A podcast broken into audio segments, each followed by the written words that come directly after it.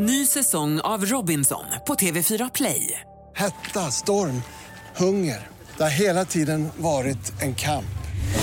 Nu är det blod och tårar. Fan händer just nu. Det. är Detta är inte okej. Robinson 2024, nu fucking kör vi! Streama söndag på TV4 Play. Hej, jag heter Gry Forssell och du lyssnar inte på radiostationen Mix Megapol. I alla fall inte just nu, för du ska ju precis höra ett nytt avsnitt av Mord mot mord. Men först vill ju vi säga hej. Hej, hej, det här är NyhetsJonas. Det här är Carolina Widerström. Och här är Gullige Dansken. Ja, och så Gry då, då. Det vi vill säga är att när du har lyssnat klart på den här podden, då får du gärna lyssna på våran. Vi spelar in ett nytt avsnitt varje morgon av våra podd Kvartsamtal. Och hela radioprogrammet blir ju också en podd om man är väldigt morgontrött eller så. Just det, om man missar morgonen ja. Men mest av allt så får du gärna lyssna på programmet i direktsändning varje morgon på Mix Megapol. Live varje morgon från klockan sex och då har vi med oss massor med vänner också. Thomas Bodström, Babben Larsson, Johan Pettersson, Christian Luuk. Massor med coola människor som bara dyker upp och gör livet bättre. Ja, som jag, Gullige Dansken. Exakt så. Och så mycket bra musik och annat skoj såklart. Så vi hörs när du vaknar på Mix Megapol.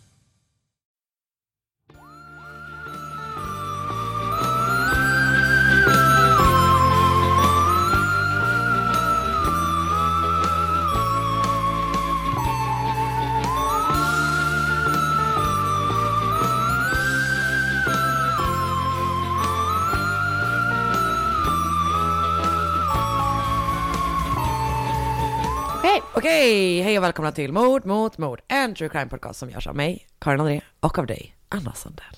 Det stämmer. Det var på håret att du strök med. Alltså ja, Du har varit så himla sjuk, det har varit, så himla länge. det har varit ehm, hemskt. Så nu spelar vi alltså in dagen innan vi släpper. Jag ska säga det, är på, då- på håret att jag strök med och på håret att den här podden ens. Verkligen, verkligen så. Jag är väldigt glad för det, Ja, jag att vi ändå fick ihop det. För att det, det kändes mörkt när jag var så jag bara, fan ska Marcus hoppa in och vara vikarie? Ja. Jag vill inte. Alltså han, har, han är verkligen visserligen lång med blont hår eftersom jag tror att du är väldigt lång som vanligt. Sant. Mm. Eh, men det är inte samma sak. Nej, Det är verkligen inte Precis. samma sak. vi, det, där jag och Marcus är som mest lika är väl utseendemässigt. Ja, men han snusar också mycket större snus än vad du gör. Det är sant. Mm. Mm. Så att eh, jag är väldigt glad. Ja, Känns jag med. väldigt bra. Det känns skönt att vara tillbaka på fötter. Ja, och det känns också nu, vet du, det måste vara skitlänge sedan vi sågs. Det är ju det. Det är innan jul. Innan, det, Det är är typ sist vi, nej, vi hade en kväll tillsammans. När vi var och såg Marcus och Henkes Men show. det var ju innan jul. Jag vet, men jag tänkte att senast Ah, var ja, när vi poddade. Ja, just det. Ja. Fan vilken rolig kväll det var. Det var en otrolig kväll och Vad full man blev. vad full man blev. Alltså hjälp. Jag bara till Oskar nu, alltså, jag typ, det var liksom helt otroligt. Ja. Ehm, Marcus bara, gud vad roligt det var när vi pratade med Anna om det här och det här. Jag bara, mm, absolut. Jag spelar väldigt ofta med när jag inte kommer ihåg saker.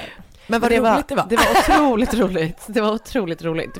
Det är sjukt, vi har inte pratat igenom den kvällen. Nej, jag vet. Det var typ för att du, för att jag åkte till Teneriffa.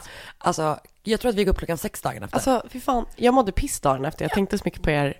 jag ska berätta för dig att jag stapplade in på Arlanda och där köpte jag, du vet alla lägger upp i sin, våran grupp att de har köpt de här true crime-tidningarna Ja. som är typ jag kommer inte ihåg vilken, men det är ju någon sån, det kan inte vara National Geographic, Nej, men du fattar. ja, fattar. Vetenskapens värld, Ja. whatever, eh, som har gett ut. Eh, Jag har liksom inget minne av att jag köpte dem. Intressant. Eh, jag har heller inte läst dem. Men vet du vad som stör mig så jävla mycket? Nej, berätta. Det är att de som gör de tidningarna är uppenbarligen inte som vi är. Alltså det är som att de, bara, de fallen de tar upp, Ja. man bara, måste vi läsa en till artikel om Jack the Ripper? Mm. Alltså varenda gång. Vet ni hur många intressanta fall det finns? Oj, gud, snöt du precis det i din ärm? Det var akut. Vill ha papper? Jag- Nej, men det är lugnt. Jag klarar mig. Jag torkade bort det värsta. Jag har ju en pojkvän som snyter sig konstant som är tics. Eh, så att vi har ju papper Jag stående hatar överallt. ju att snutta mig. Ja, men, Alltså, åh, grejen är att det don't jag like framförallt känner är så här, vi måste köpa näsdukar. ja, för man får ju så skav runt Och näsan. för att det ser skitäckligt ut att det står en så toarulle inne i vårt sovrum. Ja. Det ser verkligen Det sunkigt ser, ut. det ser sunkigt ut. Även här. Även här, ja. Ja. Mm. Mm. Nu är han i och för sig sjuk också, väldigt Mm. synd om. Är han sjuk också? Ja, ja, ja, alla är sjuka. Det är som det är. Eh, jo, precis innan vi började spela in så sa jag till dig att jag började lyssna på en podd Ja, berätta om den. som är så jävla bra. Alltså det här är, det är liksom ingen nyhet, den har funnits ett tag, jag vet inte varför jag inte har lyssnat på den. Okej. Den heter Bear Brook. Har du hört talas om den? Nej. Okej, men du vet det finns ett fall där man hittar kroppar i tunnor. Och som man aldrig har lyckats identifiera offren typ. Okej. Och det är en podd som undersöker det fallet. Och du vet att jag har sagt att jag har lite svårt Ja. för sådana här poddar när man ska, ja, för att man aldrig kommer fram till någonting. Eh, jag har inte det problemet med den här. Gud, ska Så jag, kan jag säga. genast börja Och du vet, det är så här, det är typ sex avsnitt, Ja. vilket också är föredömligt. Verkligen. Alltså att man inte typ, jag älskar Teachers Pet, tycker att det var så jävla fett. Jag hängde ju inte med till slutet där. Nej, och grejen är, men det var ju så jävla fett att han typ blev gripen Ja, ja. och allt det där. Men, men vi har pratat om det innan, alla hade inte behövt komma till tals. Nej. Alla som en gång träffade dem på en fest Verkligen. hade inte behövt komma till tals. Nej. Och den här är verkligen så här, det är så bra redaktör, alltså allt är väldigt bra. Gud, Bear Brook. Bear Brook. Brook heter den bara. Det är, det, är, det är för att den är så här Bear Brook National State Forest, whatever, Ah, okej. som de hittas i Mm. liksom. Väldigt, väldigt bra. Finns en liten eh, Golden State Killer connection också, vilket man ju alltid Spännande. blir glad för. Hur har din jul och nyår varit? Men väldigt bra då, förutom att jag blev Döende. sjuk. Mm. Eh, den var otroligt bra, väldigt liksom ganska intensiv fast ändå inte. Mm. Eh, men så var vi ju då i Lund och Köpenhamn eh, runt nyår, det var Just väldigt det. mysigt. Jag, fick, jag pluggade ju i Lund, så fick jag, när jag gick så här Ah. själv genom Lunda gård så kände jag bara så här, Fick du en feeling då? fan, ja, Jag hade velat ha en sån, kan vi åka till Lund någon gång och så vill jag ha en sån eh, vandra, alltså en guidad tur, Ja. där du berättar om ditt Lund. gärna. Men jag vill gärna att det ska vara så här, här låg jag med den här killen och i det här hörnet så kräktes jag. Oskar kommer uppenbarligen inte vara med på den här. Nej, det är absolut, Eh, kan vi göra det? gärna. Bra, och sen ska vi göra samma sak i Lerum för mig. Nej, jag. Men jag kände typ att jag försökte göra sådana grejer med Oscar, Mm. vilket liksom inte flög eftersom han typ, Han är ju därifrån. han är därifrån. Det är jättekonstigt att du försöker claima hans hemstad. Ja men det var jättemysigt och Ah. sen så um, hade vi världens liksom, det blev, vi hade en middag hemma hos Oscars föräldrar som vi lånade deras hem.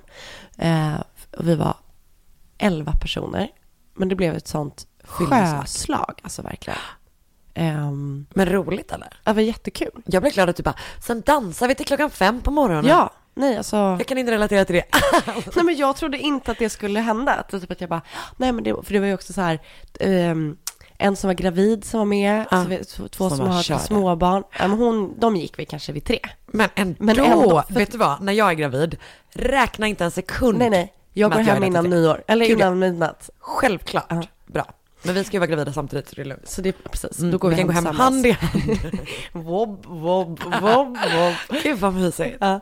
Eh, nej men, och jag är ju egentligen ingen, liksom, jag, jag gillar ju att Du gillar ju sitta och festa. snacka. Ja men fram till kanske klockan två. Ja.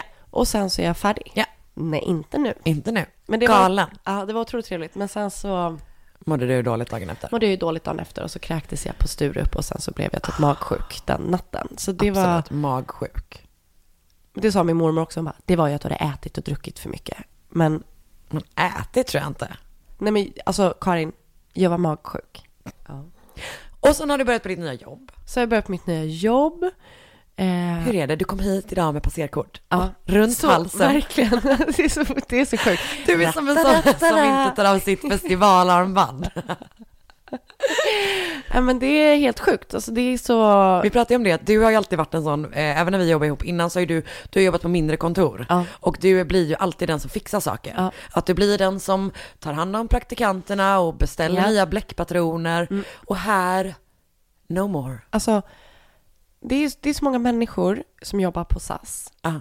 Hör och häpna. Nej, men alltså, det är helt otroligt stort. Ja. Eh, så idag var vi på ett möte och det var typ att jag bara, men vänta, jag fattar. Det är alltså de som du vet så här, du vet sätter priser och, startar upp nya rutter och Oh, wow. alltså typ att jag bara, det här är så intressant. Ja. Det är så Vad är fascinerande. det mest spännande du har lärt dig om flyg? Mm. Ja, vi återkommer. Hur hade ni det i Spanien? Superbra. Det Ja. var jätte, jättemysigt. Ni verkar var ha det väldigt Det var så härligt. härligt. Jag, jag har ju berättat för dig att jag var en så dålig servit, servitris Ja. när jag jobbade som servitris.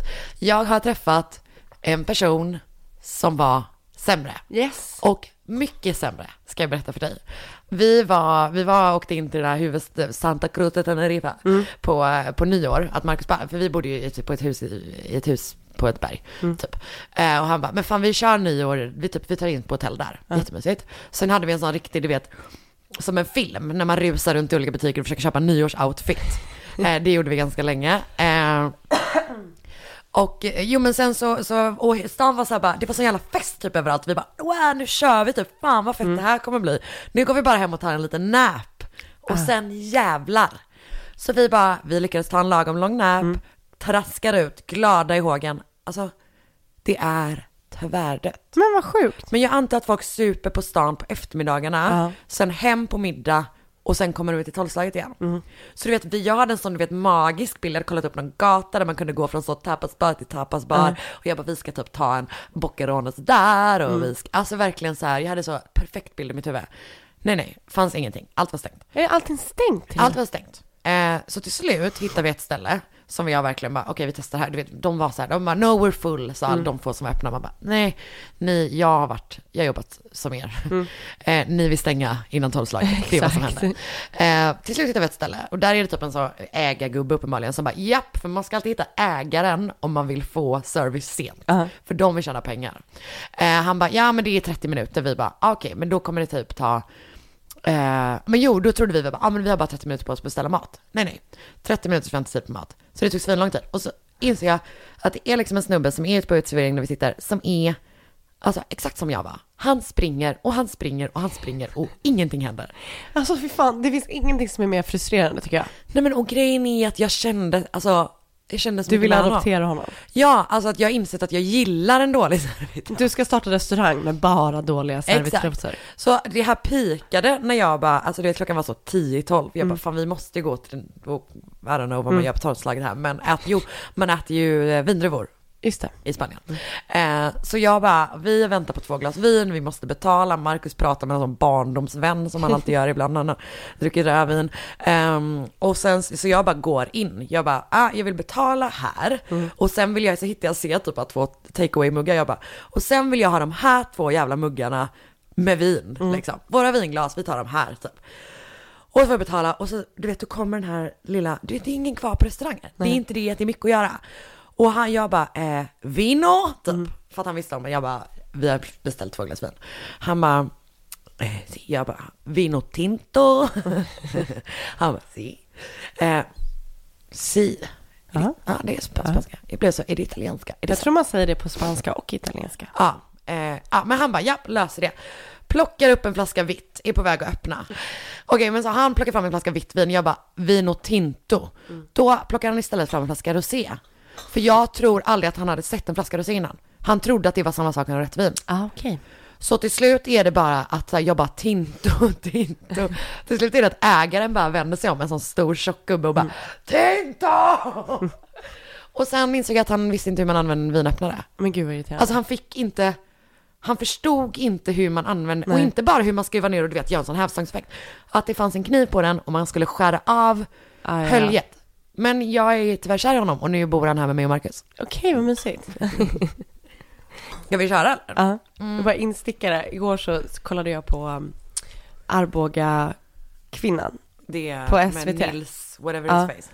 eh, när jag höll på att somna. Och så började jag garva när Johanna Möller bara berättar, hon redovisar liksom vad hon har gjort med sina pengar. Hon bara, så köpte jag en kebabvagn.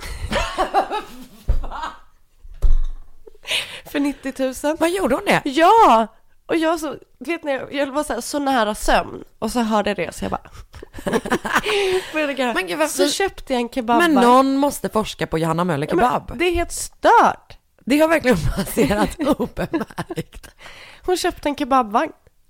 Men undrar om hon öppnade... Kebaberia. I don't know. Huh. Gud vad spännande. Nu kan vi köra. Nu kan vi köra. Så även den här veckan så har vi med oss Nextory som Ja. samarbetspartner. Som är ju en app där man både kan läsa och lyssna på hur många böcker som helst. Exakt. Eh, så om man vill vara med och stötta det här jobbet som vi gör med den här podden så går man till eh, nextory.se slash kampanj, skriver in mord mot mord som kampanjkod. Då får man dessutom en hel månad gratis och hjälper oss med bra. det här jobbet. Har du något Nextory-tips? Ja men det har jag. En bok som jag lyssnar på just nu som heter Träskkungens dotter. Som är eh, en historia om en eh, kvinna. Alltså hennes mamma, hon har blivit född, född i ett träsk. För Hennes, Ursäkta? hennes, ma- hennes mamma, hennes pappa är en kidnappare. Så hon har liksom, alltså det är, hon har varit upp, hon har varit, hon är född i fångenskap. Oj! Och så här är nu när hon är vuxen och hennes pappa har rymt från fängelset. Det låter otroligt spännande. Eh, Jag vill tipsa om Äventyr i Svenssonland, som är boken om Peter Mangs. Ah, Eh, som bland annat bygger på intervjuer med honom från fängelset. okej, spännande. Gå in på Nextory.se slash kampanj Mord mot mord som kampanjkod. så får ni en hel månad gratis och stöttar oss med det här jobbet som vi gör på den. Hej!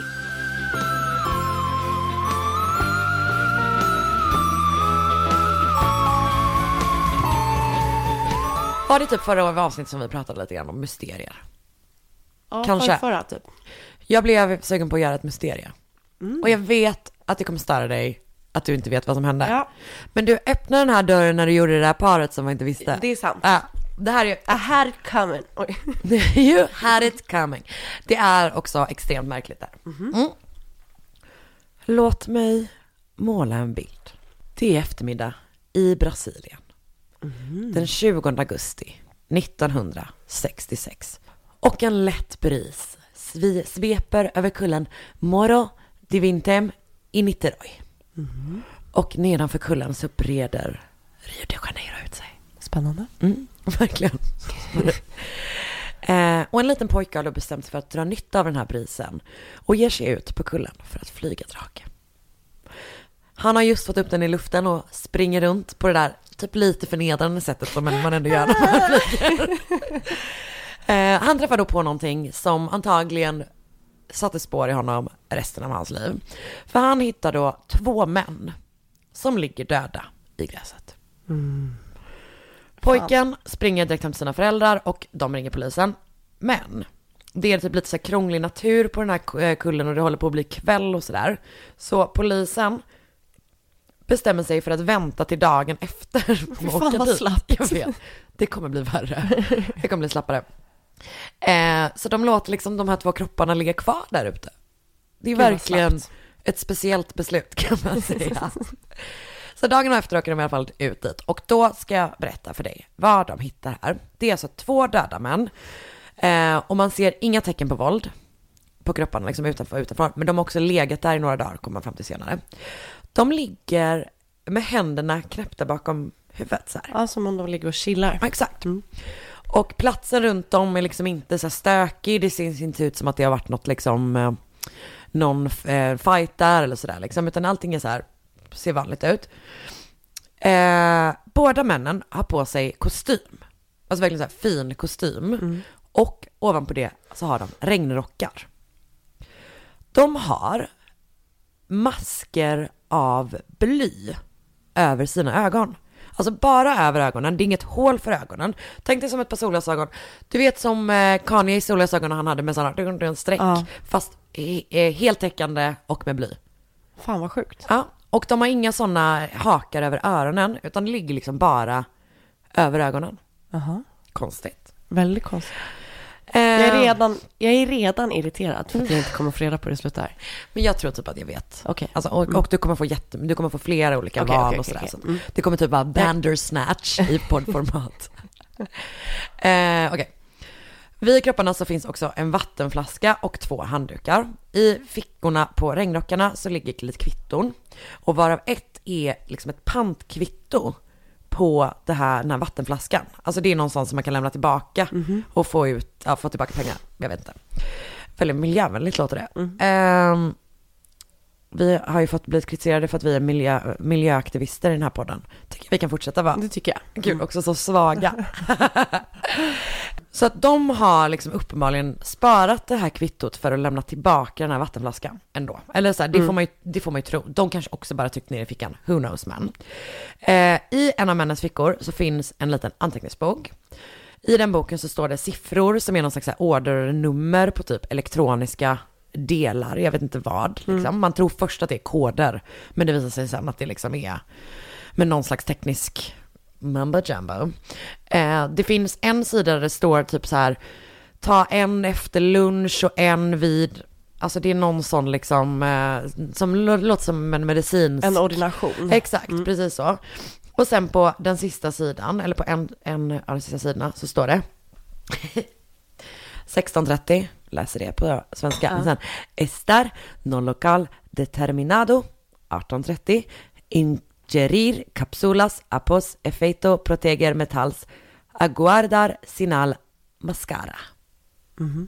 Det betyder på engelska. Eh, 4.30 be at the specified location. 6.30 ingest capsules. After the effect protect metals await signal mask. Det makar heller ingen sens, alltså det är inte det att det är dåligt översatt utan det makar ingen sens på portugisiska heller. Eh, men jag lärde mig att mascara betyder mask. Det är bra. Man lär sig så mycket av. Verkligen. Eh, nej men så att det, det är liksom, folk har försökt typ sätta ord, man försöker sätta eh, liksom kommatecken och punkter och sådär så att det skulle vara då, eh, ja men 630 ingest capsules, after the effect, liksom eh, kommatecken, protect metals, eh, punkt, await signal, masks, som att så här, vänta på signalen, sen sätt på er det. typ. Så. Men det är liksom, det är inte helt tydligt vad det betyder. Eh, så det här är liksom vår scen som vi har att jobba med. Polisen tar då med sig kropparna till rättsläkaren. Det här är det mest störiga som någonsin hänt, nästan. Rättsläkaren har så himla fullt upp att han hinner inte ta sig an det här supermystiska fallet med de här märkliga personerna med blymasker Men på en kulle. Så han börjar inte jobba på dem, på dem förrän efter en hel vecka. Men gud vad Då har de liksom ändå redan legat där ute i några dagar eftersom de slappade sig lite in. Ja, du fattar. Det är så jävla störigt. Så när han väl tar sig an dem så har alla interna organ brutits ned så pass att man inte kan typ göra en fullständig Åh. obduktion. Och ingen toxikologisk undersökning görs heller. Alltså Okej. det är så Nej. jävla störigt. Men de som i alla fall, eh, eller man gör i alla fall några rätt, för man lyckas då ta reda på vilka de här männen är. Ja, Vilket är skönt. det är bra. Och de är då 32-åriga Manuel Pereira da Cruz och 34-åriga Miguel José Viana. De kommer från Campos dos Goitacaches, kanske, som ligger typ 20, 20 mil från Rio. Eh, jag vet inte, alltså ofta, jag känner, mig alltid, jag känner mig så jävla dum när jag gjorde det här. För att de var electronic technicians. Hur skulle du översätta det till svenska? Först var jag typ såhär, är det liksom någon slags ingenjörer? är, det, är det liksom elektriker? Alltså fattar du vad jag menar? Jag Elektriska ingenjörer låter inte som något. Tekniska ingenjörer, det är en grej. Det kanske det är. Jag tänker att det är något ingenjörsaktigt. Ja, eller hur? Det känns som det. Eh, båda har i alla fall fru och barn. Och man lyckas då kartlägga vad de här männen har gjort sina sista dagar i livet. Så den 17 augusti, det vill säga tre dagar innan de hittas, så har de sagt till sina familjer att de kommer vara borta under eftermiddagen som jag förstått det att de säger. För att de ska köpa utrustning som de behöver i sitt jobb och de ska köpa en ny bil. Och jag tror att de säger att de ska åka till São Paulo. Men det läser jag bara på ett ställe. Det är ganska länge sedan det här. Det är och så här lite oklart och källor på engelska och sådär du vet. Ehm, så att de sätter sig då på en buss på morgonen och åker till Niterói som är den här staden där kullen ligger. Och de har haft med sig ganska mycket pengar. Jag tror att det är mellan typ 5 och 10 000 kronor. Också väldigt svårt att veta med pengavärde och bla bla bla bla. Du vet hur svårt det är. Och de pengarna, eller stora delar av de pengarna, har aldrig hittats. Så bussen kommer då fram, till, eh, fram typ halv tre på eftermiddagen. Eh, den 17 augusti som sagt. Och man hittar då ett kvitto för de här regnrockarna. Varför hade de dem? It's part of the mystery. Ja, men jag vill Det veta! är det vi ska försöka lista ut. Ja. Ehm, så man hittar då ett kvitto för de här regnrockarna. De är inköpta i Niterói. Så de är inköpta där liksom de var. Det handlar om droger. Men det gör... Du ser verkligen drogpengar överallt. Verkligen. Ehm, Det är för att de är överallt. det, det är verkligen sant. Man får också tag på servitrisen som sålde dem, eller hyrde ut då vattenflaskan till dem också. Och hon säger då, eh, det har skett efter att de har kommit fram ett, eh, den här eftermiddagen. Hon säger att en av dem, Miguel, verkade väldigt nervös, alltså extremely anxious, översätts det liksom från eh, portugisiska. Eh, och om och om igen kollat på sin klocka. Hon är den sista som ser de här männen i liv. Och polisen tror att de begav sig direkt från baren till kullen, där de då tre dagar senare hittas döda. En annan sjuk grej som man kommer fram till under undersökningarna, eller man påminns om under undersökningarna, det är att fyra år tidigare hittades en annan typ, han var, eh, han jobbade med så här radio han var någon slags radio och tv-ingenjör typ. Hermes Luis Feitosa hette han. Han hittades död på en annan kulle i samma område. Bredvid honom låg en blymask. Men gud. Och det man kommer fram till när man gör efterforskningar om honom är att han ska ha gått till kullen för att med hjälp av någon slags liksom medium, alltså psychic eh, egenskaper, medium-egenskaper eller vad fan man ska säga, lyckas plocka upp radio och tv-signaler endast genom viljestyrka. Dream big man! Verkligen. Ehm, så, nu pratar vi teorier. Det var dit jag ville komma. Ja. Teori numero uno. Ja. Ufon tog dem. Vad tror du? Ja, Bra. jag tror det. Men gud, tack för idag.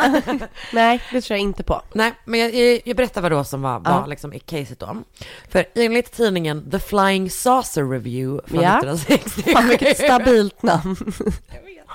Jag önskar att folk trodde mer på ufon nu och att det var typ sådär. Men det finns, det är verkligen bara att du googlar. Jag vet men att det mer var, för det känns som att det var mer liksom i vanlig media. Ja. Alltså du vet att man bara, ah, Ja. för. Ja, nej men jag tänker också att det här var en lite annan typ av personer som var tokiga i ufon på den tiden. Nu är det bara foliehattar. Ja, Då var det nog ändå en och annan professor som tänkte att de kanske skulle kunna få kontakten då. exakt. Och typ var, alltså liksom gemene man Ja. tänker jag trodde mer på det också. Men gud, vi kanske ska genomföra någon slags lobbyverksamhet för, för att få in tefatsdebatten Ja. på svenska eh, nyhetsmedier.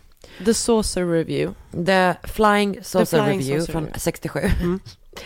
De, eh, enligt den tidningen då, så rapporterade en Senora Gracinda Barbosa Coutinho da Sosa, ett otroligt namn, eh, att hon då sett en mystisk farkost flyga över Morro de do Vintem, alltså den här kullen, under kvällen den 17 augusti. Hon har kört hem med sina barn i bilen och hon fått se en oval orangelysande farkost som liksom hänger... Fan vilken efterkonstruktion. Jag vet. Man bara, det var solen. Det var rakt av solen. Eh, hon säger då att den hänger över kullen och strålar åt alla håll. Eh, och efter att männen hittats då så berättar hon det här för sin man. Det har hon tydligen inte gjort innan. Eh, och han berättar då till eh, polisen. Och, eh, och det kommer också ut i media. Och eftersom hon anses vara en väldigt pålitlig person. Ja. En liksom, in, hon, är ingen, hon är ingen lokal toka Nej. om man säger. Och ganska högt aktad, kommer nog från lite finare familj sådär.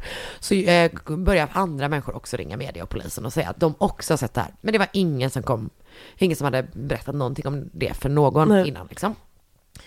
Eh, en man som heter Elcio Gomez kontaktar polisen och han är då vän till Miguel och Manuel.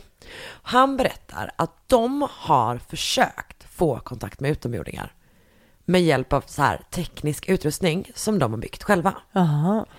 Eh, de är då, så de tillhör en grupp som är, kallar sig för Scientific Spiritualists. Som alltså med hjälp av liksom vetenskap då vill försöka kommunicera med, som jag har skrivit, folk från andra planeter. Jag vet inte om det är den tekniska termen. Jo, jag tror det. Ja, men det känns som det va? Ehm, och när man då letar igenom deras hus så hittar man lite sådana grejer, du vet lite så böcker på den skiten och sådär. Och vänner, eh, och även man hittar också material från det här, eller som tyder på att de har gjort de här maskerna, hittar man också där. Vännerna eh, berättar då också om att de har byggt någon sån så här jättestor maskin för att kommunicera med Mars. Man bara, det kommer att vara ganska tyst därifrån, men okej. Eh, som har två månader tidigare har exploderat i männens trädgård. Jaha. Där, då tänker man att, eller då finns det någon slags tanke om att de tror att genom den här stora explosionen så kan man, alltså genom stora ljusstarka explosioner så kan man få kontakt med aliens. Okej. Så där finns någon som, Ny säsong av Robinson på TV4 Play. Hetta, storm, hunger. Det har hela tiden varit en kamp. Nu är det blod och tårar. Fan händer just nu. Det. är Detta är inte okej. Robinson 2024, nu fucking kör vi! Streama söndag på TV4 Play. Ett poddtips från Podplay. I fallen jag aldrig glömmer djupdyker Hasse Aro i arbetet bakom några av Sveriges mest uppseendeväckande brottsutredningar. Går vi in med hemlig telefonavlyssning och, och då upplever vi att vi får en total förändring av hans beteende. Vad är det som händer nu? Vem är det som läcker? Och så säger han att jag är kriminell, jag har varit kriminell i hela mitt liv men att mörda ett barn, där går min gräns. Nya säsongen av Fallen jag aldrig glömmer på Podplay. Teori nummer två. De trodde att ufon skulle ta dem, så därför knarkade de ihjäl sig. Nej. Och den här teorin bygger då lite grann på samma grej som ovan Ja. uppenbarligen. Eh, förutom då att ufona aldrig kom och hämtade dem. Ehm, så att de experimenterade med kontakt med utomjordingar. Och de gjorde eh, bland annat det då genom tekniska lösningar, men också genom droger. Så man tror då, den teorin är alltså att man gav sig, de gav sig ut på den här kullen för att vänta på ufona. Där tog de drogerna, det vill säga kapslarna i lappen, som så, och råkade överdosera. Eller så tog de det, blev superbänga och sen dog de av uttorkning eftersom de var på ett berg i flera dagar. Men om det här stämmer, ja. då är det ju någon som har mastermindat dem och gett dem den där lappen. Just det. Så då finns det ju någon... eh, Nå, ja men någon som har sagt till dem att ta. Ja. Eh, och också det jag kan tänka med, med som är problematiskt med det här då, eh, med den här uttorkningsgrejen är att det är ju vinter i Brasilien Ja. vid den tiden, så det är inte så jävla varmt liksom. Eh, men det som är tanken då är att det här är någon slags nästan religiös ritual som de hållit på med. Du vet lite så Heaven's Gate tänker jag. Ja. Att de var del av någon slags mer sektig grupp eh, än vad man först trodde liksom. Mm. Eh, det jag tänker med det här är att det skulle kunna vara, också vara någon slags, du vet, folia dö, som dubbelpsykos. Ja. Det tänker jag också skulle kunna vara en grej. Okej, den tredje som hänger ihop lite grann med det som du precis sa. De trodde att ufon skulle ta dem, men i själva verket så var det en lång skim från extremt smarta rånare som ville ha deras pengar. Mm.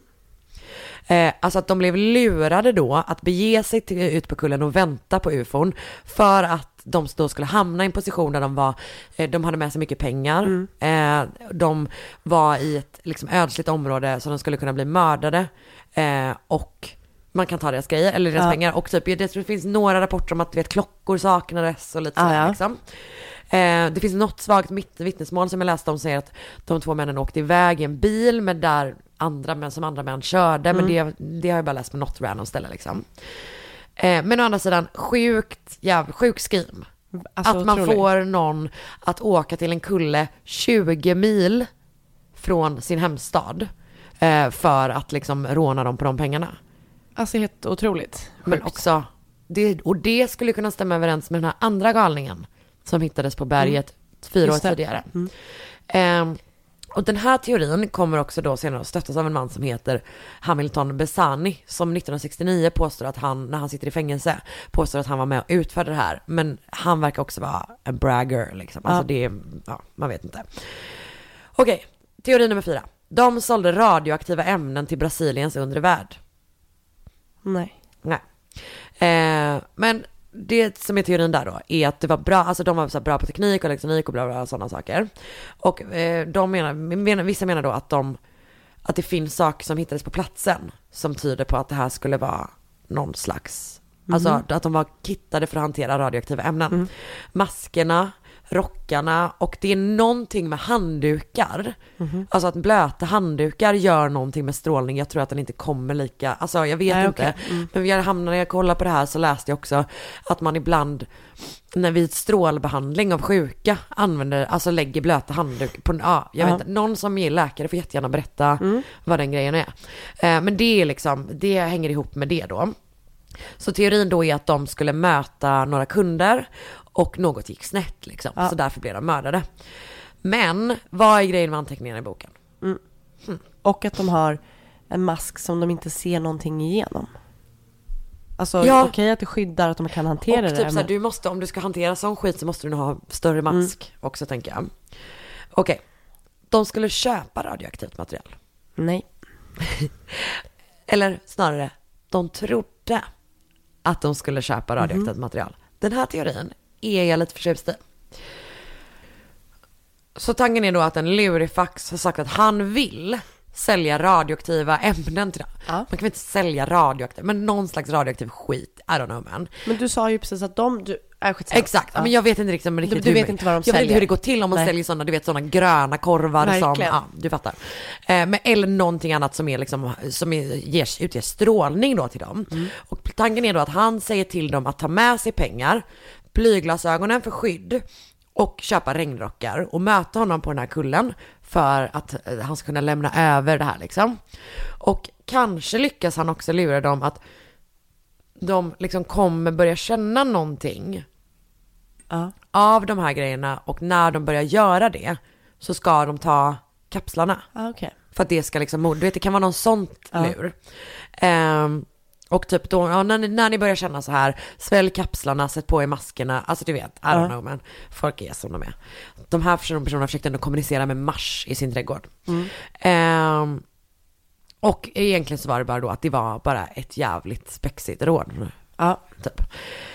Ehm, teori nummer sex, som är alltså både lite tråkig och lite rolig. De hade bestämt sig för att begå självmord, men ville också jävlas med omvärlden. Ja. Det är de här eh, teorierna vi har att jobba med. Jag gillar ingen. Men vad är din egen då? Åh, jag vet inte. Jag tänker... Jag gillar ingen. Nej, Men då, får, då måste man komma med en egen. Jag vet. Eh, men jag tänker... Jag tror att det handlar om, de har blivit mastermindade av någon. Ja, det tror du ändå. Jag tror att det är någon sekt, eh, jag är inne på det spåret.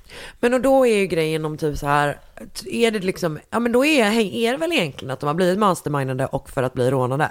Så det går du med på. Att de, men kan de ha blivit islagna då att, att ufon skulle komma och hämta dem? Kanske. För att de trodde ju uppenbarligen på de sakerna. Jag tänker att om man ska lura dem till någonting så borde det vara någonting som är relaterat till det. Mm. Men sagt någon slags Heaven's Gate. Men jag vet inte om det här med rånet. Men varför skulle någon annars lura dem? Bara för att mörda dem? Men de pengarna var ju borta. Ja, jag vet inte. Du tror bara inte på motivet. Ja, men jag känner mig bara sjukt, sjukt besviken. Nej, jag skojar. Nej, det var ju superspännande. Det är därför jag vill veta hur det slutar. Ja, jag vet. Jag får panik. Och vet du vad som stör mig så jävla mycket? Om de bara tagit den här jävla toxikologiska undersökningen. Då hade man ju vetat. Då hade man, då hade man vetat. Då hade det inte varit ett mysterium som du hade berättat om här idag. Nej, för sig. Det, fast typ kanske. Ja. För det hade ändå varit Det hade spännande. varit spännande. Det är så konstigt. Man vill ju verkligen, verkligen veta. Jag vet, de här glasögonen. Vill jag, ska jag visa dig glasögonen? Ja, gärna. Mm. Det här kallas då för eh, The Lead Masks Case. Ja. Eller Ocaso des das ma- Mascaras de Chumbo. Mhm. Och här har man liksom lagt maskerna på dem och tagit en bild.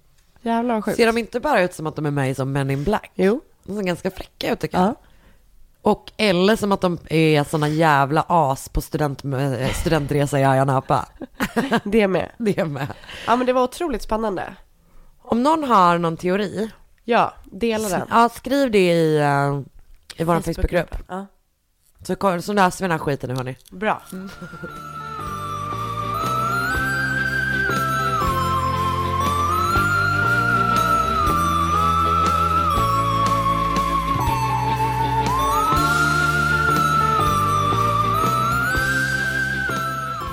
Då börjar jag. Kör. Det känns som jag har kommit ur gängorna för det var så länge sedan vi Ah, pratade sist. det är också årets första Mord mot mords andra års första mord. Sant. Mm, spännande. Eh, då börjar jag bara rakt av. Ja. så att du vet. Dennis Nilsen Ja. föddes 1945 i norra Skottland i Fraserburg. Mm, mm. Vad glad jag blev att det här. Vet att jag satt och kollade på Dennis Nilsson? Nej. Nej, nej, nej, inte mycket. Alltså, utan jag bara, för han finns med på min, min lista. Men jag har Ah. liksom inte... Du har inte börjat? Nej, och inte läst in mig i typ alls än. Hoppas utan att jag lever upp till det Gud, du snälla, skulle det gör du alltid. Du Ja. överträffar mina förväntningar varenda sådär. För att de är så lågt ställda.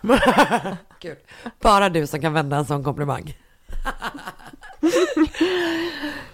Ja, det är, jag är verkligen expert på att vända någonting bra till någonting dåligt. Japp. Hans föräldrar, Ja. hans mamma var skotte Mm. och hans pappa var norrman. Och de hade ett så kallat oroligt äktenskap och pappan var gravt alkoholiserad. Just det. Den typen av oro. Ja. Eh, när Dennis var bara fyra år gammal så lämnade hans pappa eh, hans mamma och familjen. Och då utvecklade Dennis en nära relation till sin morfar. Som han då liksom satte på pedestal och liksom han var så här hans... Fadersfiguren liksom. Exakt. Men tyvärr så dog morfar bara två år senare, alltså när Dennis var Oj. sex år gammal. Eh, när han var ute till havs som jag förstått det, för han jobbade i flottan. Och sättet som Dennis fick reda på det här är så fruktansvärt. För då, ehm, mamman berättade typ inte, eller så här har jag tolkat det utifrån vad jag har läst. Mamman berättade typ inte att han var död, utan hon så här tog med honom och visade upp morfar som var död i en kista. Nej men vänta, så att han bara, ah, nej men vi ska, vi, nu ska, vi ska bara göra en grej innan vi går och typ tar en fika.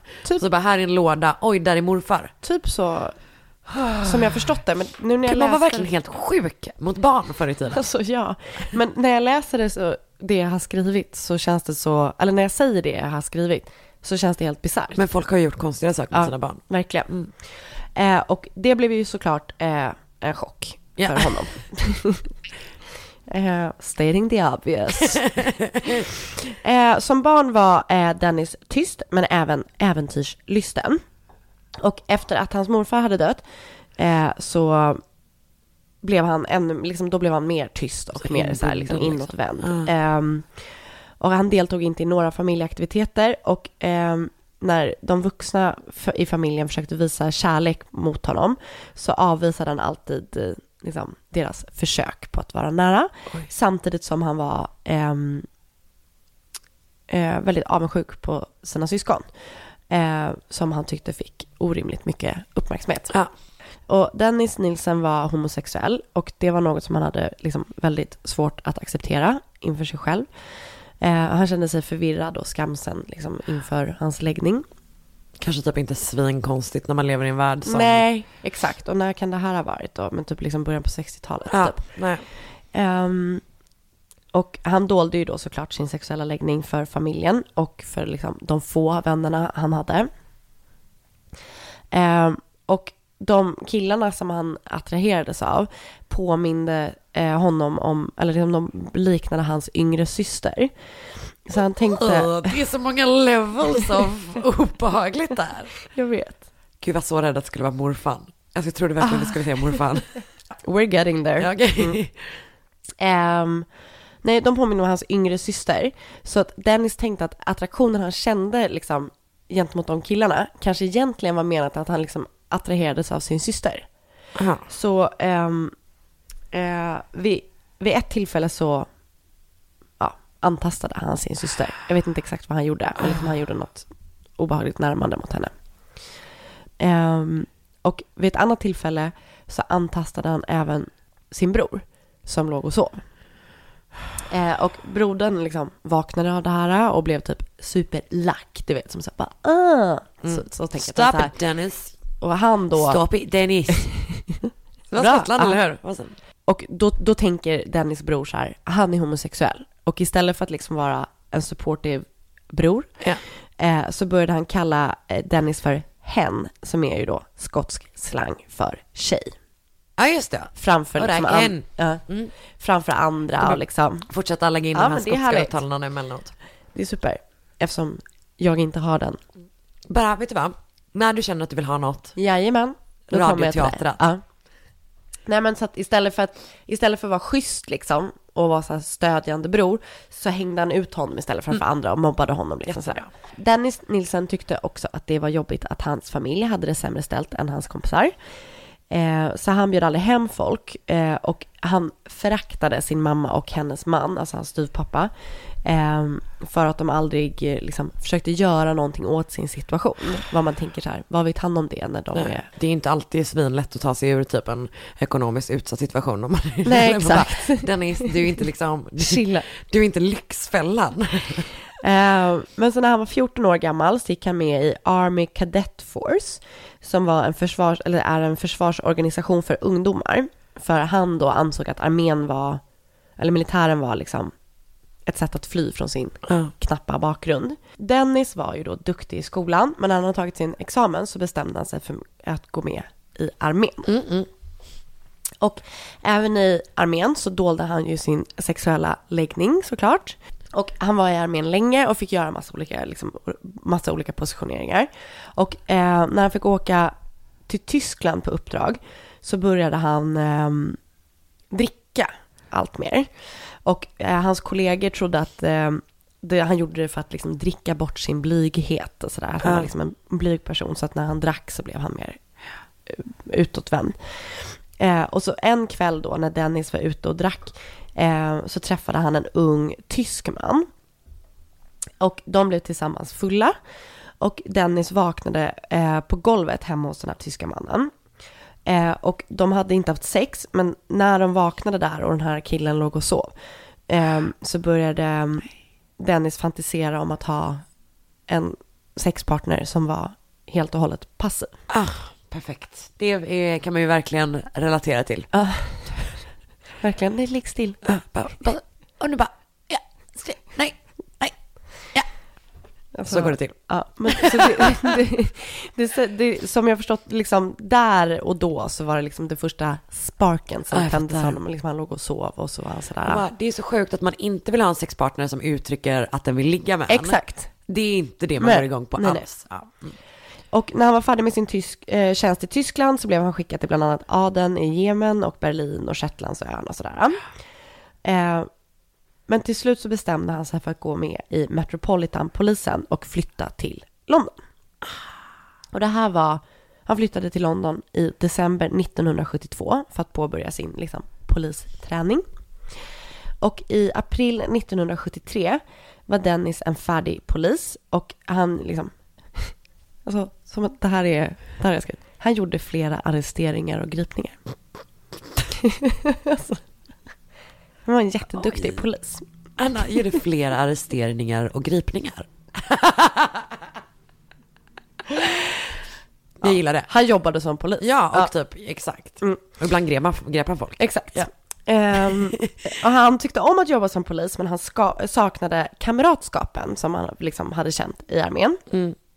Och som en följd av det här så började han kröka igen, liksom hemma på kvällarna, för att typ döva sin Han känns ensamhet. ensam typ. Ja. Och han började även besöka gaybarer. Och här börjar han då liksom också inleda, eller liksom han börjar bli sexuellt aktiv. Och det här är egentligen det första, först han blir det. Ja, som vet, jag förstått Ja. det. Ja. Så då har han liksom så flera one night stands och lite lösa förhållanden så med olika killar. Det måste ju varit otroligt. Alltså, ja, Jag bara säger det. verkligen. Eh, men Dennis var liksom inte nöjd med de här eh, kortvariga relationerna utan han ville ha någonting som var mer långvarigt. Liksom. Han, han längtade efter en Kärleken. Ja, och liksom ett sällskap och sådär. Han, han känns ju otroligt, nu låter det som jag tycker synd om honom, det gör jag verkligen inte. Men han känns ju otroligt ensam, som Ja. han har varit det så hela livet. Liksom. Så han, han, vill, han vill ha någonting, eh, ja men lite mer långvarigt. Så i december 1973 eh, så slutar han eh, arbeta som polis. Oj. Och så gör han lite olika grejer. Fram, jag vet inte exakt vad han har, men han, 1982 så tar han jobb på en arbetsförmedling. Okej, ja, ja. så han gör lite andra grejer Ja. emellan. Och i november 1975 så träffade Dennis en 20-årig man vid namn David Galichan. Och David eh, hade blivit, han blev hotad av två män utanför en pub. Så Dennis ger sig in och räddar honom. Och eh, efter han har räddat honom så säger han så här, ska du hänga med mig hem? Så säger han, ja visst. Och så liksom, går de hem till honom och sen satt de och drack och typ pratade hela kvällen.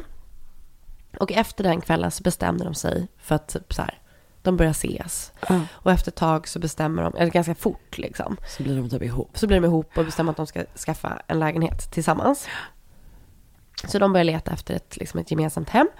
Och ehm, Dennis var den enda, alltså när David jobbade inte, så Dennis var den som var så här provider och drog in pengar.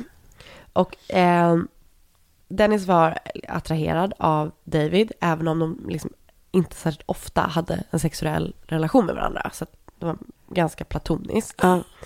Och ett år efter ett år när de har bott med varandra så börjar deras redan ganska ytliga relation ta stryk. Alltså de kände ju inte varandra utan det var bara, och de var ju typ inte kära i varandra heller. Det känns Nej. verkligen som att det var så här. Du är där och här är jag. Exakt. Men verkligen. Och så bara, ja, vi behöver båda någonstans att bo typ. Eller Ja. så här.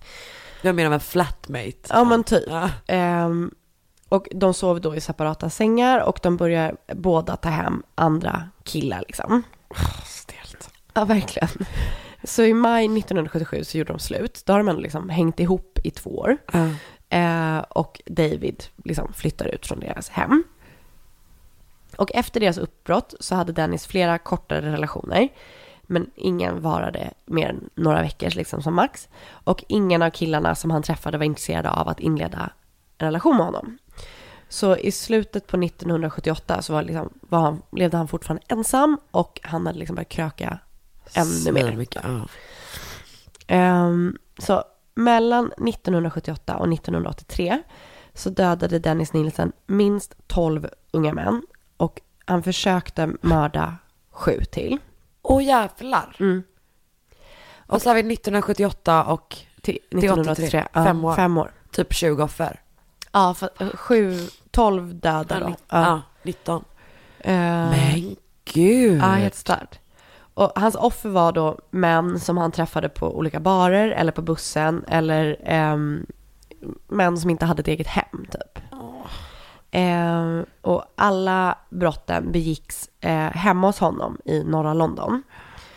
Eh, och han fick med sig sina offer hem genom att så här, bjuda dem på alkohol eller erbjuda dem ett rum för natten och sådär. Och när han hade fått hem sitt offer så fick de oftast först liksom, både mat och någonting att dricka innan han sen ströp dem med någonting tills de dog eller tills de blev medvetslösa.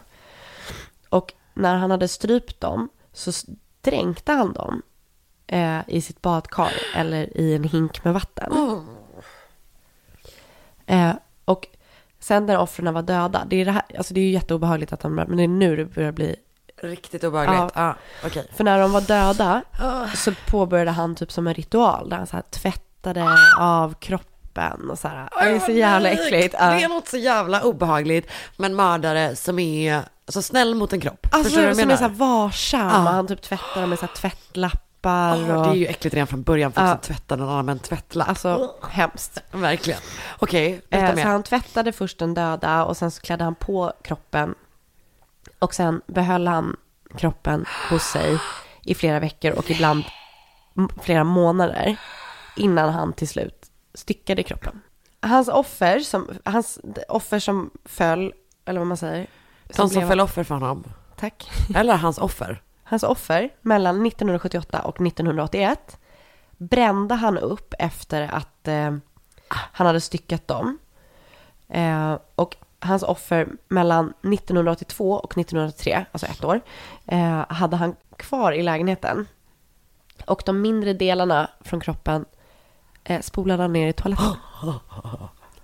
Eh, hans, eh, han har erkänt att han onanerade när han tittade på sina offer och att han utförde sexuella eh, akter på en del av hans offer efter att de var döda, men aldrig någon penetration. Okej, fint av dig. Verkligen. Okej. Ja, eh, hans första offer var den 14 år gamla Steven... Va? Fan, 14. 14? Ja. Ja. Jag vet, så liten. Steven Holmes, som Dennis träffade på en pub den 30 december 1978. För Steven försökte köpa öl, men han fick inte det. Så istället så bjöd Dennis med honom hem. Så sa så här, vi kan dricka hemma hos mig istället. Du behöver inte dricka Steven, puben. så gott är inte öl. Nej. Don't do it. Nej, verkligen. Ehm, och där drack de båda två liksom mycket tills de till slut däckade.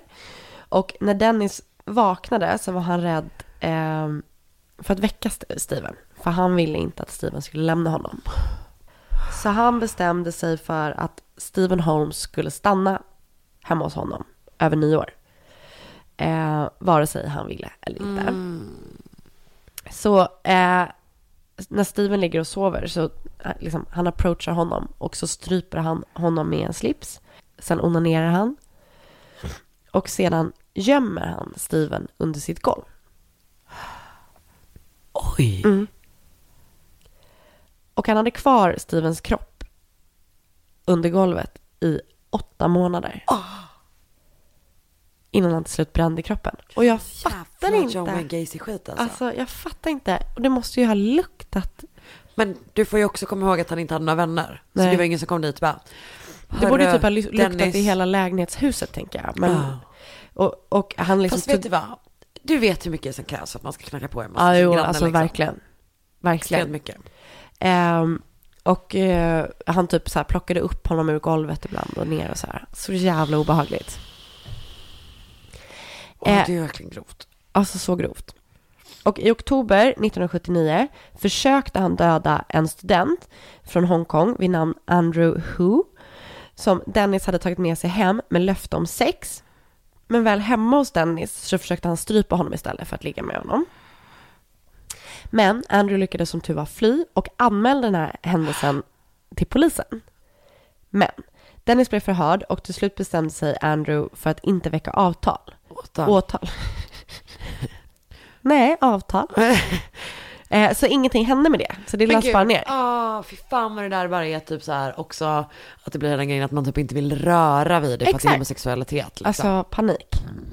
Så istället för att liksom det hände någonting och han stoppades så kunde Dennis fortsätta Just det, med perfekt. sin mördarspree. Mm. Så två månader efter överfallet på Andrew så träffade han den 23 år gamla studenten Kenneth Ockendon Ja. som han erbjöd att visa London. Alltså så här, I'll show you around town. Men istället tog han med honom hem och ströp även honom. Dagen efter, han hade strypt honom, så köpte Dennis en polaroidkamera som han liksom fotade hans kropp med innan han till slut la även den här kroppen under hans golv. I en lägenhet. Alltså jag fattar inte, han måste ha haft liksom Måste brädor typ. Ja. eh, och vid flera tillfällen så tog han upp hans kropp igen och satte honom bredvid sig för att kolla på tv. Och typ liksom, du vet, som att de hade en relation. Typ Nej. så. Det här är sån jävla criminal minds skit. Alltså det är verkligen Jag det. får panik. Alltså det är verkligen det. Oh, okay. Och hans tredje offer blev den 16 år gamla Martin Duffy. Och Martin hade rymt till London. Så när han träffade Nilsen på typ tågstationen så var Martin glad när han blev erbjuden husrum och mat. Även han blev mördad såklart. Eller såklart, han blev mördad också. Och eh, Dennis behöll Martins kropp i lägenheten i två dagar. Och han så här, kysste och smekte den och du vet så här, gav den döda kroppen komplimanger. Och du vet verkligen som att de, ja, men som att de typ var på en så här dejt som aldrig tog slut, du vet. Så tänker jag att det var. Det här är Mm. så jävla intressant. Och även då Martins kropp placerades under golvet. Eh, och Dennis, då bodde han på något som heter Melrose Avenue och här dödade han liksom flera män, de här tre och även några till. Men i mitten på eh, 1981 så ville hans hyresvärdinna renovera fastigheten. Åh nej. Eh, Så först vägrade han att liksom flytta på sig, men så blev han erbjuden tusen pund. Så då flyttade han ändå. Eh, liksom då hade han väl bränt upp alla kroppar. Alltså, ah, ah. Så då flyttade han till en lägenhet på Cranley Gardens. Och dagen, in, jo, precis, dagen innan han flyttade så brände han upp eh, de kropparna han hade haft i lägenheten. Men på Cranley Gardens så hade han inte en gård. Alltså han hade svårare att göra Så sig av där, dem. ja, men han kunde inte elda kropparna där. Så kropparna från hans offer som liksom blev hans offer när han bodde på Cranley Gardens eh, förvarade han i påsar. Och eh, mindre delar av kroppen, typ och inre organ och så här, små ben och sånt, spolade han ner i toaletten. Det är så sjukt. Och så fy fan. Alltså det är så jävla äckligt. Nej men det är också bara den grejen som är som man bara, eller det är något så jävla sorgligt med typ att det som en gång var en människa. Man bara, Ja. ner i toaletten. Alltså verkligen. Men så den 4 februari 1983 fick fastighetsskötaren ett brev där det klagades på att det var stopp i avloppet. Eh, så det var ett problem för alla hyresgäster i huset. Så efter den här anmälan så kom en rörmokare till Cranley Gardens eh, för att ta sig en titt på avloppet. Eh, och den här rörmokaren, eh, rörmokaren Michael Catran hittade då, när han öppnar avloppet så upptäckte han både ja, men, liksom, kött och ben. Eh, som han förstod att var mä- människo, människor liksom. Så han får ju så här rå panik Ja. och ringer polisen. Så polisen kommer dit eh, och det kan då bekräfta så här, ja, det här är liksom human remains eh, och att man kan på något sätt se att det har kommit från Dennis lägenhet. Ja, här kan jag bara bli så här, man bara, fan Dennis på riktigt så här, du ska inte spola ner sådana handpapper Nej. i toaletten. Vad fan tror du ska alltså hända? verkligen, vad händer? Ah, gud, alltså jag är väldigt glad att på ett sätt att han gjorde det eftersom han åker fast på det. Exakt. Men, Det är också sjukt, hur har han inte åkt fast tidigare? ja det är sjukt alltså. Det är fan helt Att det är sjukt. det det faller på. Men det, ah, Fucking stupid. Ehm, men så eh, när han kom hem från jobbet så förklarar polisen att de vill kolla hans avlopp. Och sen följer de med honom in i lägenheten. Och eh, han typ så här, eh, varför vill ni kolla mitt avlopp? Eh, bra spelat. Dennis. verkligen, ja, precis. För mitt var väl verkligen engagemer, enga, engagerat. Jag var på väg att göra det på skånska. Ja. Eh, nej men det här, du kan få göra en, så här kan du få göra på skotska. Han frågar så här. Eh, varför vill ni kolla här? Och då säger polisen att det finns kött och ben från människor i avloppet. Varpå Dennis svarar Good grief, how awful. Good grief, how awful. Men polisen liksom så här, we know you're bluffing man. Mm. Så till slut han bara, okej, liksom, ta med mig ner till polisstationen, I'll tell you everything. Eh, så de tar med honom till polisstationen och i ett förhör eh, den 10 februari 1983 erkände Dennis att det fanns fler människodelar hemma hos honom. Och han erkände då att han hade dödat 12 eller 13 till i sin gamla lägenhet. Shit alltså. Och han erkände allt, men, och, men när han blev frågad om motiv eh, så sa han att han inte visste varför han hade gjort det. Utan han var bara så här, I wish I could have stopped but I couldn't. I had no, no other thrill or happiness än att liksom döda. Ehm, Känns ju väldigt mycket som Jeffrey Dahmer. alltså ja, verkligen. Alltså den här ensamheten, eh, det här att typ inte vilja, eller så här, nu vet jag inte mer, liksom, men, Nej, men bara att, inte man vill sl- sluta. Exakt, men det går inte typ. Och han sa att han eh, eh, inte njöt av att döda, men att han dyrkade the art and the act of death. Vad det nu betyder. Ja. Det kan störa mig, man bara, men sluta försöka göra det. Ja. Alltså, försöka göra det till något annat. Du är mördare. Ja. Eh, så den 3 november 1903 så dömdes han till livstidsfängelse med minimum 25 år. Och han är här ikväll! Och här har jag ett, ehm, ett citat för att avsluta Ja. det hela. I could only relate to the dead image of a person I could love. The image of my dead grandfather would be the model of him that is most striking in my mind. It seems necessary for them to have been dead in order that I could express those feelings which were the feelings I held sacred for my grandfather. It was a pseudo-sexual, infantile love which had not yet developed and mature.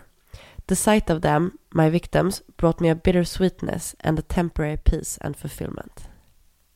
Oh, jävlar.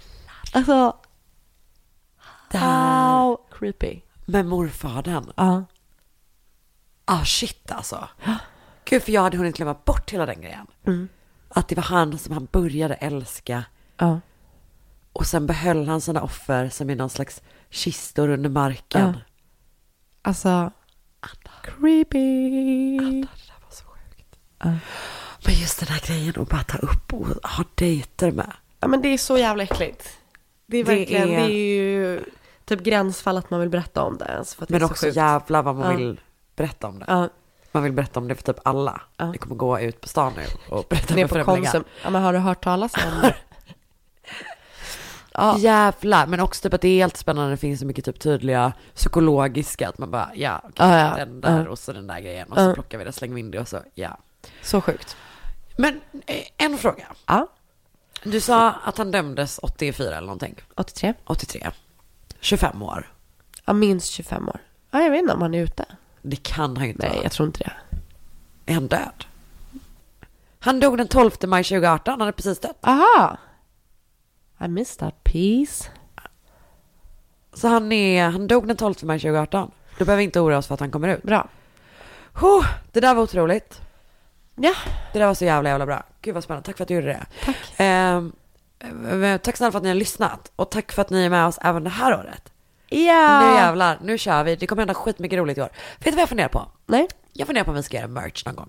Ja. Vad vill, tror, du- kan folk berätta om de vill ha merch och i sådana fall vad de vill ha för Ja. merch? Jag tänker att vi ska ha bra tygpåsar. Ja, och jag vill ha mugg. Du vill just det, mugg och tygpåsar, det tänker jag var första merch. Mm. Eh, ja, för att jag kan inte se t-shirtar. Nej. Nej. vi skiter i det. Ja. Rakt av. Bra. Eh, Vi ja, hörs nästa vecka vi hörs igen. nästa eller? vecka. Eh, önskefall på DMs på Instagram. Där heter du att Sandell Anna. Jag heter att Karin Londre. Eh, eh, vad gör vi mer? Man kan Gå med skicka i in- Facebookgruppen. Gå med i Facebookgruppen Mord mot mord podcast. Så jävla mycket folk där nu. Eh, skicka om ni har några bra historier som vi borde få höra. Ja. Maila eh, mordmotmord.gmail.com. Eh, och eh, det är typ det. Det är typ det. Grymt.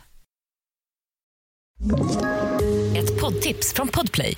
I podden Något Kaiko garanterar östgötarna Brutti och jag, Davva, dig en stor dos skratt. Där följer jag pladask för köttätandet igen. Man är lite som en jävla vampyr. Man har fått lite blodsmak och då måste man ha mer. Udda spaningar, fängslande anekdoter och en och annan arg rant. Jag måste ha mitt kaffe på morgonen för annars är jag ingen trevlig människa. Då är du ingen trevlig människa, punkt. Något Kaiko, hör du på Podplay. Därför är gardinerna.